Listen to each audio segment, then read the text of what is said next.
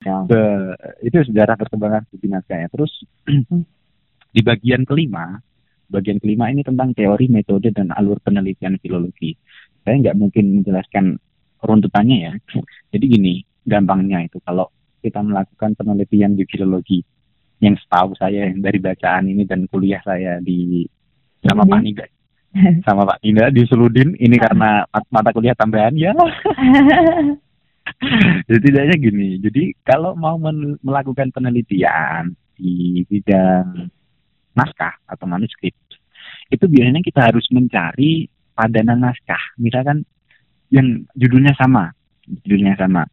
Misalkan Tambi Al-Masyi Tambi Al-Masyi ini kan saat itu yang tadi misalkan Abdur Obsingkil ya Tambi Al-Masyi jadi nggak mungkin kan hanya satu teks selama ini di dunia ini hanya ada satu Iya. teks kan nggak mungkin. Karena Ah. bisa jadi muridnya juga menyalin Heeh. muridnya mena- menyalin murid-muridnya menyalin murid-muridnya lagi menyalin kayak gitu Heeh. bisa jadi kayak gitu jadi untuk menemukan teks mana yang Asli. Mm-mm.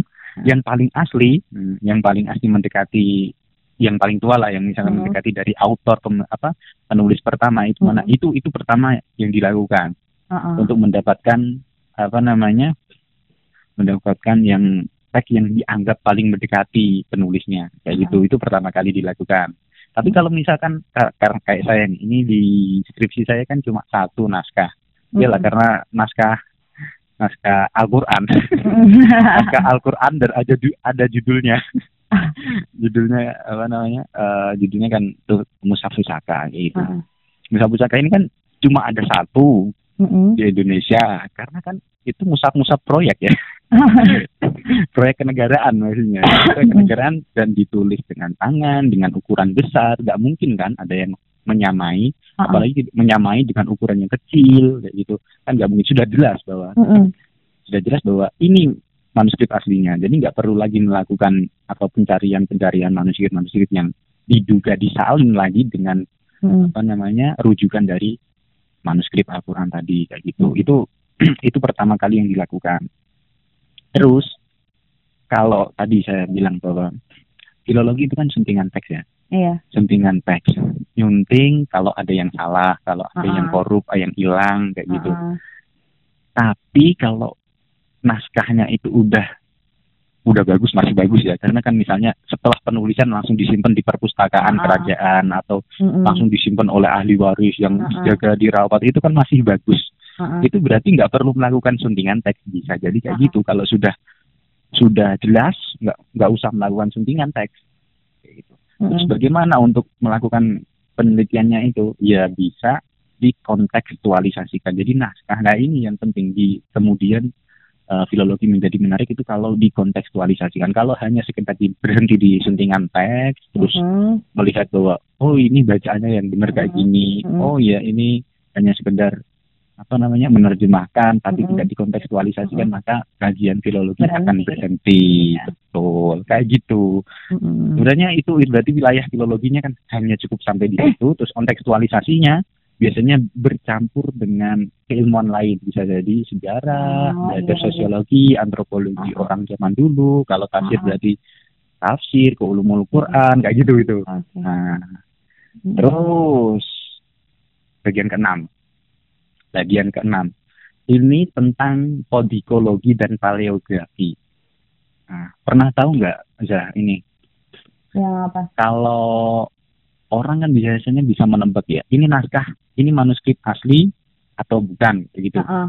Itu dilihat dari apanya. Setelah itu, kalau Zahra tahu dari Kalau aku sih nembaknya kalau itu asli dari media, dari media tulisan Ah, atau dari bentuk tulisannya. Ah. Biasanya ya benar. kalau gitu. Ini mm-mm, sebenarnya Yeay. orang iya. sebenarnya sangat sangat ini apa ya realistis banget lah kayak orang yang melakukan cross check kan kayak gitu dari Iya. medianya Heeh. untuk meneliti media ini disebut sebagai kodikologi Kodikologi.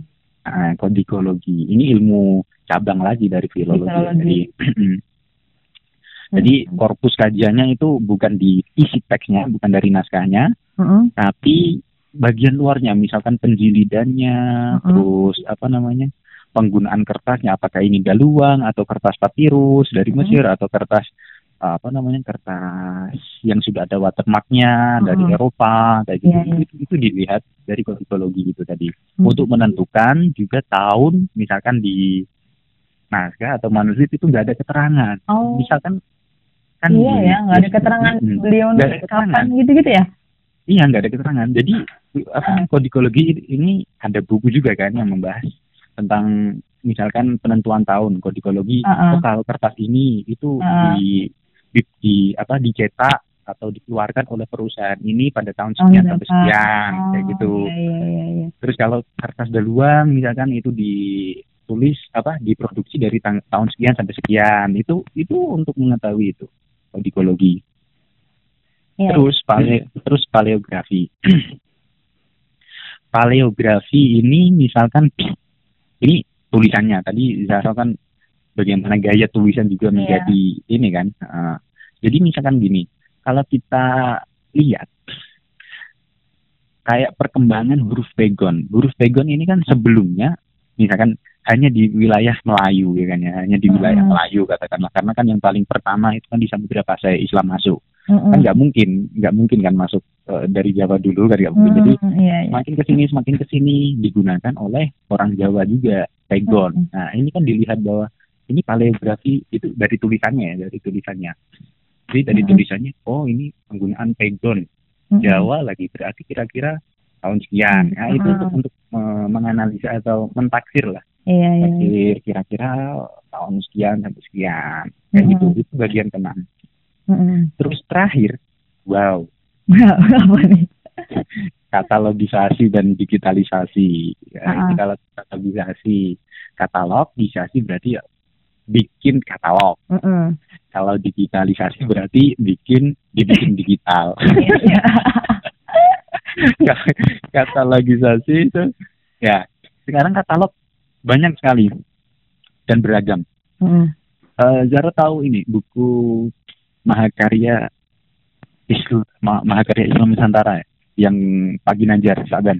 Oh iya, bagiannya sebenarnya. Nah, itu orang menyangka bahwa Hmm. tulisan seperti itu hanyalah reflektif artikel biasa. Padahal Mm-mm. kinerja yang digunakan oleh Pak Ginanjar itu adalah kinerja katalogisasi. Ah, Makanya bisa banyak tebel gitu karena Hmm. dia melakukan apa namanya pendekatan-pendekatan katalog. ah, ah. Biasanya kan kita melakukan misalkan ya eh, kayak Pak Ginanjar itu kayaknya sering sekali ini karena dia suka memburu manuskrip-manuskrip jadi dia bikin katalog misalkan Ah. ulama Jawa, ulama Sunda, Berarti- misalkan Pengelompokannya berdasarkan apa, Beliau?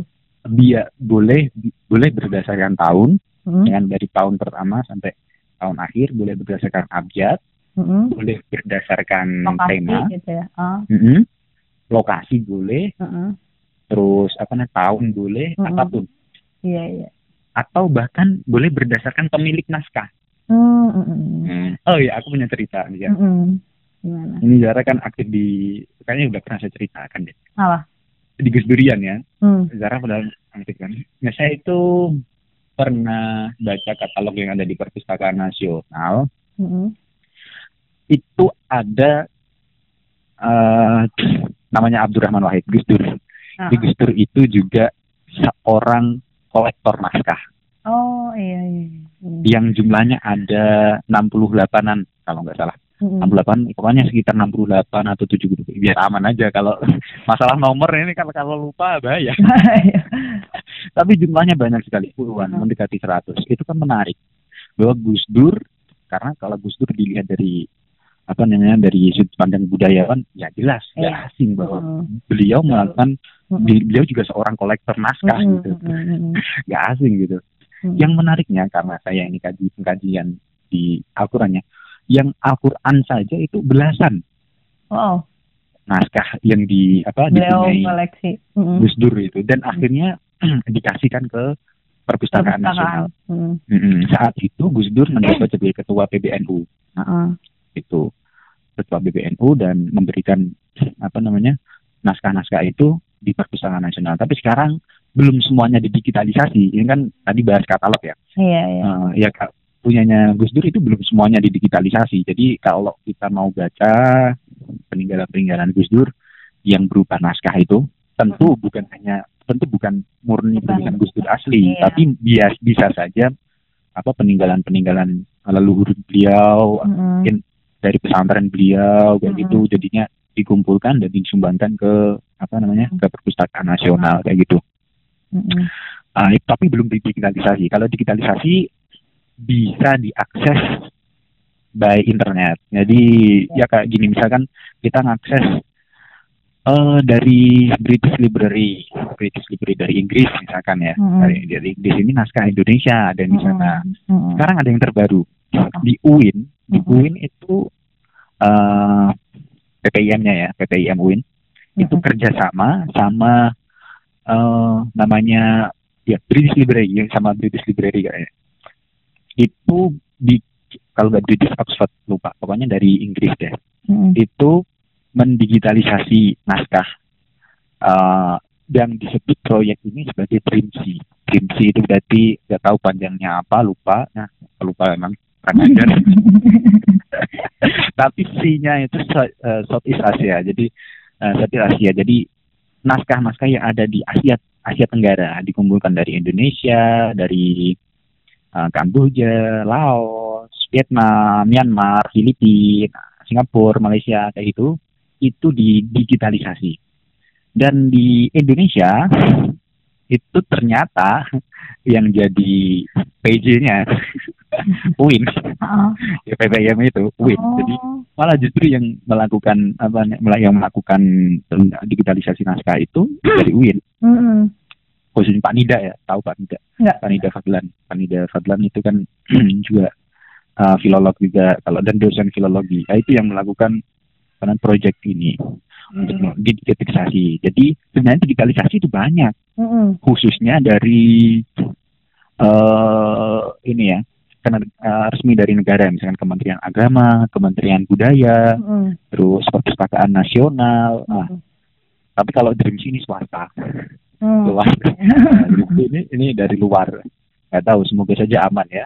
Oh, Semoga nggak, semoga aman, nggak dibawa apa data met- data-data database-nya itu nanti semoga tetap bisa di open source dan bisa Mhm. dikaji siapa pun Mm-mm. nggak hanya di awal saja. Nanti kan kalau di awal saja nanti pas kapan-kapan bisa jadi kan kan hak milik tentu hak milik sana kan, Mm-mm. hak milik luar. Nanti kalau itu kita nggak bisa ngakses lagi Iya, iya. kayak gitu. Semoga aja bisa kayak gitu. Itu sih itu itu ringkasnya dari eh, buku ini. Nah kita ngobrol apa lagi ya? Yo Iya. pengalaman. mencatat banyak sih dari buku yang dijelaskan dan penasaran Hmm. juga. Berarti eh, kitab-kitab yang tersebar di pesantren ini juga peran para filolog dong. Karena Iya. yang dicatat itu. oleh ulama berarti gini kenapa sih berarti eh, kitab-kitab yang ditulis atau yang tersebar di pesantren itu kan sudah ditentukan tahunnya namun Mm-mm. semua semua ulama memang tidak mencatat tahun kapan Mm-mm, atau betul betul. nyatatnya gitu enggak Mm-mm. Jadi memang Hmm. apa tradisi di pesantren sebenarnya sudah dekat.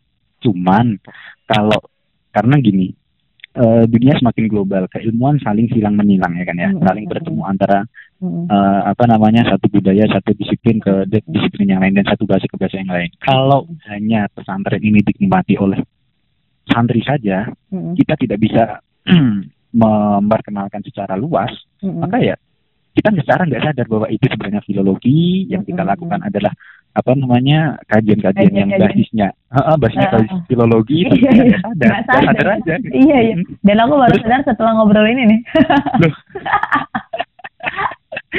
Ya Allah aku kemarin itu kapan ya? Tiga minggu yang lalu.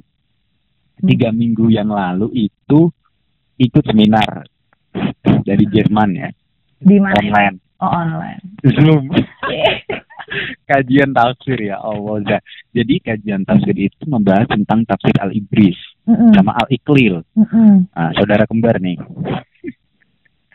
itu pengarangnya sama Mustafa Kiai Bisri Mustafa dan Kiai Mus, eh, Misbah Mustafa Ah, ah. oh Kiai Bisri abahnya Gus Mus Hmm. terus Kiai Misbah pamannya Mm-mm. pamannya Gus Mus Mm-mm. jadi ini kan eh, sama-sama tafsir Jawa ya. Mm-mm. itu diteliti oleh Bu Johanna Ping Bu Johanna Ping Ping namanya Ping ya Bu Johanna Ping nah jadi dari kampusnya Albert Hedwig atau apa itu bahasanya Jerman. Nah, ya. Terus itu neliti dengan pendekatan filologi ya, dengan pendekatan filologis meskipun yang diteliti adalah eh cetak. Oh, Kan saat itu udah eh, banyak apa cetaknya namanya? ya. uh-uh. Al Iqlil Al Ibris kan sudah versi cetak, sudah Ah, ah. versi cetak ya, sudah versi cetak tapi pendekatan-pendekatannya sebenarnya nggak jauh dari apa namanya eh, kajian-kajian ini filologi seperti psikologi dan benar itu bisa jadi penelitian yang menarik gitu padahal nggak sampai jauh loh yang dibahas Oh, oh. misalkan misalkan eh, yang dilihat itu adalah perwajah-wajah yang tampilannya layoutnya doang Ah, Yang itu diteliti juga.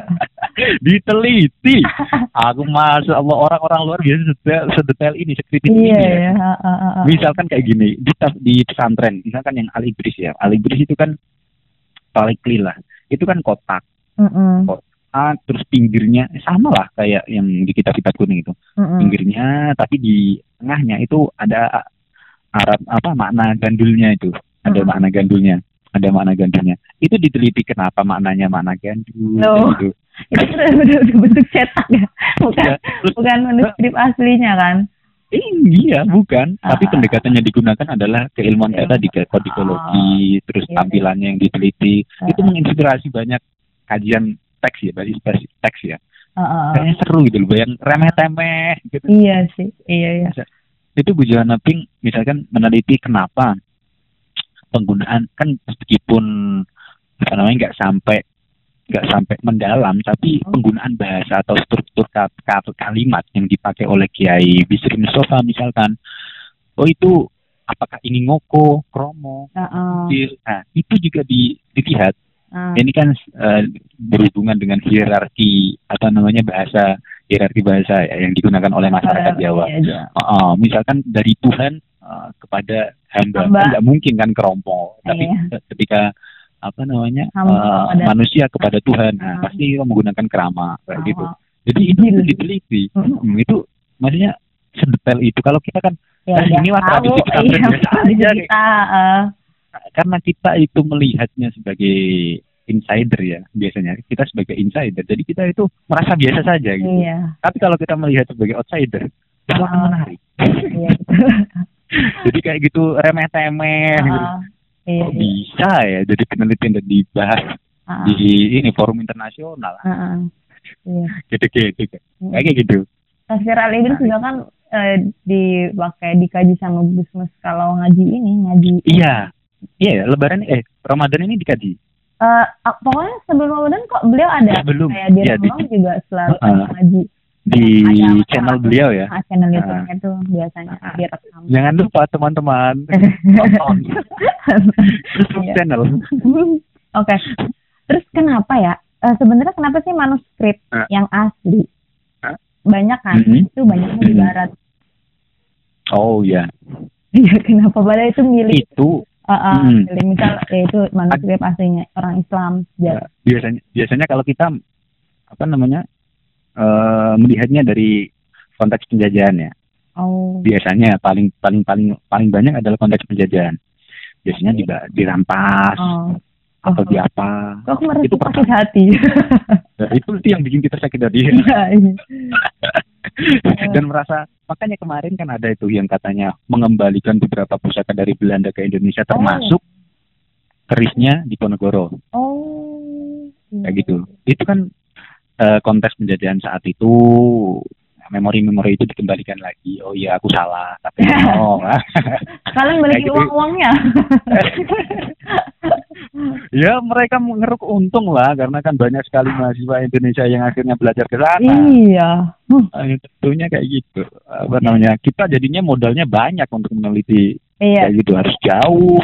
Iya, iya. lihat asli karena otoritas manuskrip itu ya bagus kalau asli melihat asli. Iya. kayak gitu. Ah seperti itu terus ada ada lagi. Dua.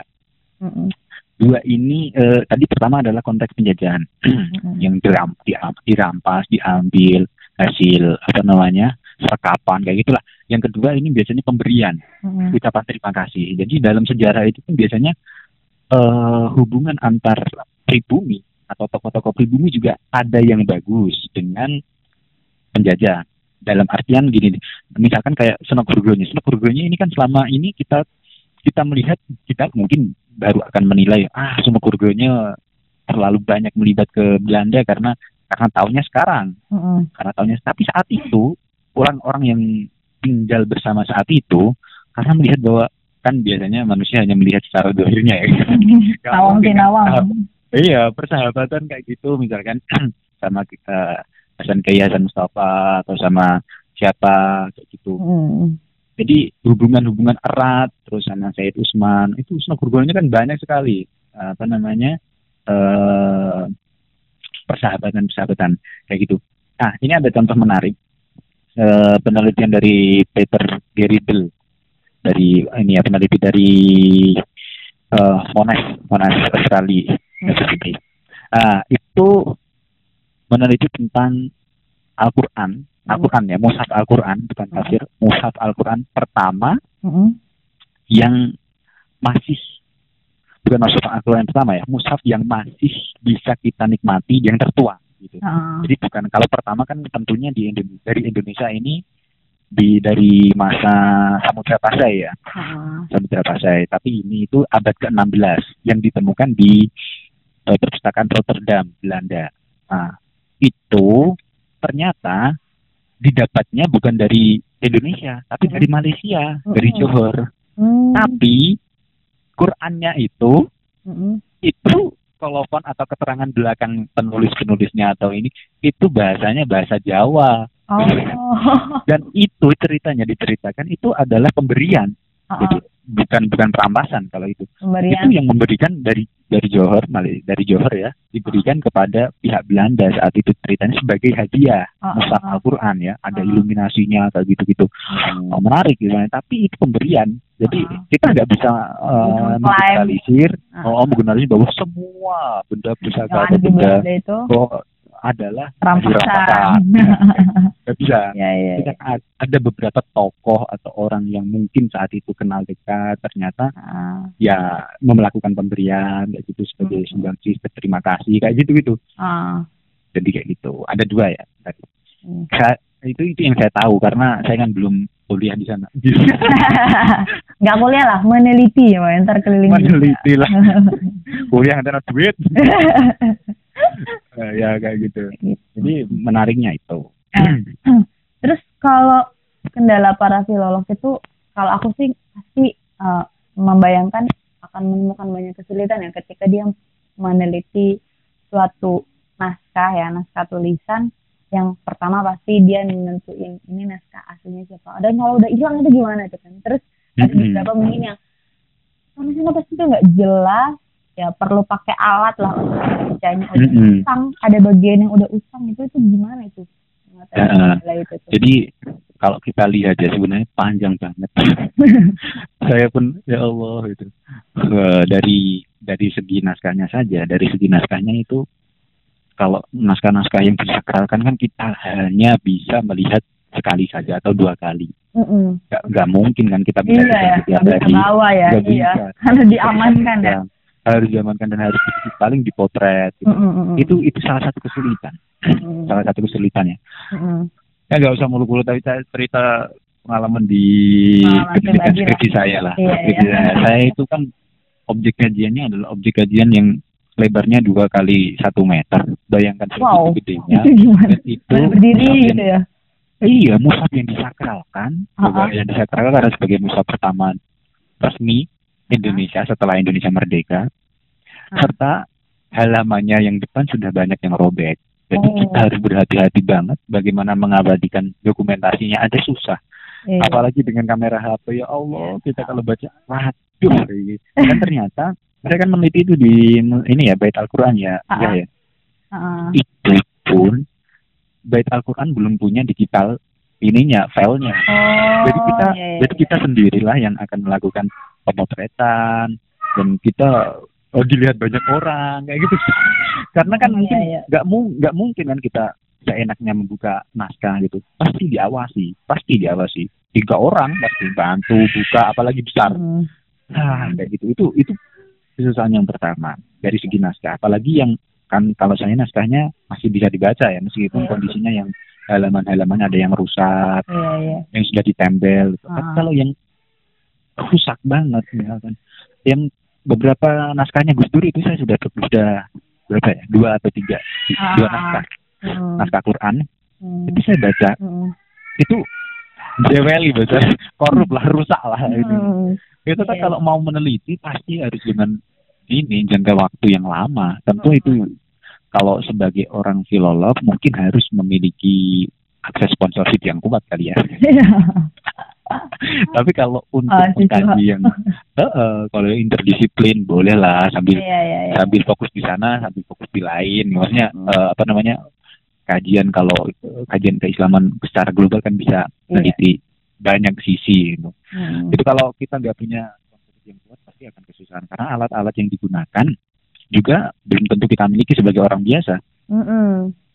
harus pakai apa namanya digitalisasi kan harus pakai kamera yang gede yang bagus ya, eh, tangan harus pakai sarung tangan Ah, harus ah. pakai masker harus Ah. pakai ka- kacamata yang besar kayak gitu gitu Ah, terus di, di apa namanya di ruangan yang nggak lembab kayak gitu mm. itu kan harus khusus gitu ya kalau Iya. kalau kalau melihat kinerjanya makanya kita harus bersyukur banyaknya digitalisasi digital digital naskah sekarang gitu karena di Ah. belakang itu banyak sekali pengorbanan pemotret Iya, iya, iya, iya. Eh, Dan itu itu banyak ya. naskah. iya Lumayan. apalagi kalau luntur terus lun apa namanya nggak kebaca gitu Mm-mm. biasanya sih kalau luntur sobek gak kebaca itu nggak kita nggak semenang semena-mena menambal terus menuliskan ulang nggak jelas. Kita Ah. harus meneliti lagi ini yang benar kata apa Sampai sampai ketemu. Heeh, sampai ketemu. Kalau nggak ketemu di kalau untuk apa namanya eh penelitian sederhana ya penelitian sederhana cukup dikucukupan dulu kalau dikosongin. Itu biasanya gitu. Oh, dikosongin ah. dilompatin tapi dikasih kurung kayak gitu. Penelitian Oh, apa namanya laporan penelitiannya kayak gitu. Oh, gitu. Terus, heeh, misalkan lagi kontekstualisasi naskah. Dia kalau naskah itu harus pengantarnya kontekstualisasi naskah, khususnya di bidang sejarah. Gak mungkin kita meneliti naskah, tapi kita tidak menyertakan sejarah Iya. bagaimana ah, bagaimana naskah ini muncul gitu. ah. Kalau kalau yang masih bisa kelacak itu oke, Iya. tapi kalau yang nggak kelacak itu pusing gitu orang. Mm, mm, mm. Ini kecuali kalau dengan tentunya kan dengan bantuan-bantuan pemilik naskah, Mm. kolektor, pihak penyimpan naskah pasti akan mendapatkan informasi sedikit demi sedikit. Meskipun sedikit itu sangat berharga. Mm. Saya sebenarnya malu ya ngomongin kayak gini karena belum selesai, belum lulus. Nggak apa-apa. Jadi kan saya dari, itu dari penikmat naskah, Mm. bukan dari ahli belum belum. Nanti mungkin oh, namanya juga penikmat dari buku ini kan akhirnya tahun senang. kemudian Azana Oh, oh. jadi oh ya, ahli film. Wah. Dan kita akan ketemu lagi di segmen yang lain. Lalu kita berbincang, saya sudah jadi apa? Anda sudah Wah, jadi apa? Weh. Anda sastrawan ini Oh. kayaknya. Amin. aduh, aduh. Ya. Kayak gitu. Dan belum dikontekstualisasi tadi di sejarahnya misalkan. Mm. Jadi eh, ada kesulitan yang saya alami itu ketika melakukan penelitian ini musa pusaka ya, khususnya di bidang atau di bagian sejarahnya. Karena ternyata antara sejarah eh, karena yang di dari musab eh dari museum itu sendiri dari data yang saya dapatkan museum dari Mhm. museum pertama kali itu salah. Oh, salah. Eh, yang Bikin apanya? jadi di museum itu tertera di deskripsi mau apa mushaf ya itu kan biasanya ditempel di dekat mus di dekat mushafnya itu tertera pengerjaan mushaf yang segitu gedenya itu cuma dua tahun Mm-mm. padahal pas saya baca manuskripnya itu itu 12 tahun. Oh, itu itu pertama langsung loh itu salah pak. Ah, saya bilang gitu komplain. Bahkan saya sampai menulis eh, artikel yang saya upload di jurnal itu untuk merevisi itu. Oh, oh. akhirnya untuk penelitian yang kedua kunjungan saya yang kedua kalinya di akan direvisi. Apa namanya deskripsi yang dari museum itu. Karena Oh. saya membutuhkan ini loh pak buktinya gitu. Di manuskripnya yang jilid ketiga ini itu kan tiga jilid ya. Gede-gede dua kali satu meter ya Allah. Terus akhirnya saya mencoba mengga, apa, menggali beberapa kepingan sejarah itu. Biasanya kita tahu hanya dari deskripsi yang ada di museum itu saja. Ternyata dari pihak Bait Al-Quran itu memiliki data yang sangat penting terkait perjalanan awal dan pertengahan. Karena sempat terjadi biasanya kan gitu proyek-proyek zaman dulu era-era Soekarno khususnya ya Hmm. itu biasanya sempat berhenti di tengah jalan kayak Mushaf apa kayak Masjid Istiqlal juga kan sempat Iya, berhenti iya. Mm. terus Mushaf ini Mushaf besar juga berhenti tahun pertama 48 hadir itu Nuzulul Quran Ah, ah. Soekarno Iya. Muhammad Hatta hadir itu Mm-mm. untuk awal peresmian eh, permulaan penuli- penulisan tapi setelah itu revolusi Mm. saya harus mengaitkan dengan revolusi revolusi bagaimana revolusi itu sehingga kok ini sampai gagal itu bagaimana penulisannya. Terus akhirnya didirikan lagi yayasan tahun 50 48 50 50 ini belum belum digarap lagi tapi baru didirikan apa yayasan. Mm. didirikan yayasan untuk melanjutkan apa namanya penggarapan itu. Akhirnya ditunjuk penulisnya. Ditunjuk. Jadi kayak nggak tahu ini ini ada potongan yang yang hilang juga sejarahnya. Mm. jadi tahun 48 tahun 48 itu kan saya belum menemukan eh apa di data yang saya baca itu bukan penulis yang kemudian kita tahu sampai akhir penggarapan itu. Tapi pasti ada peng- apa penulis lain juga tapi itu hilang.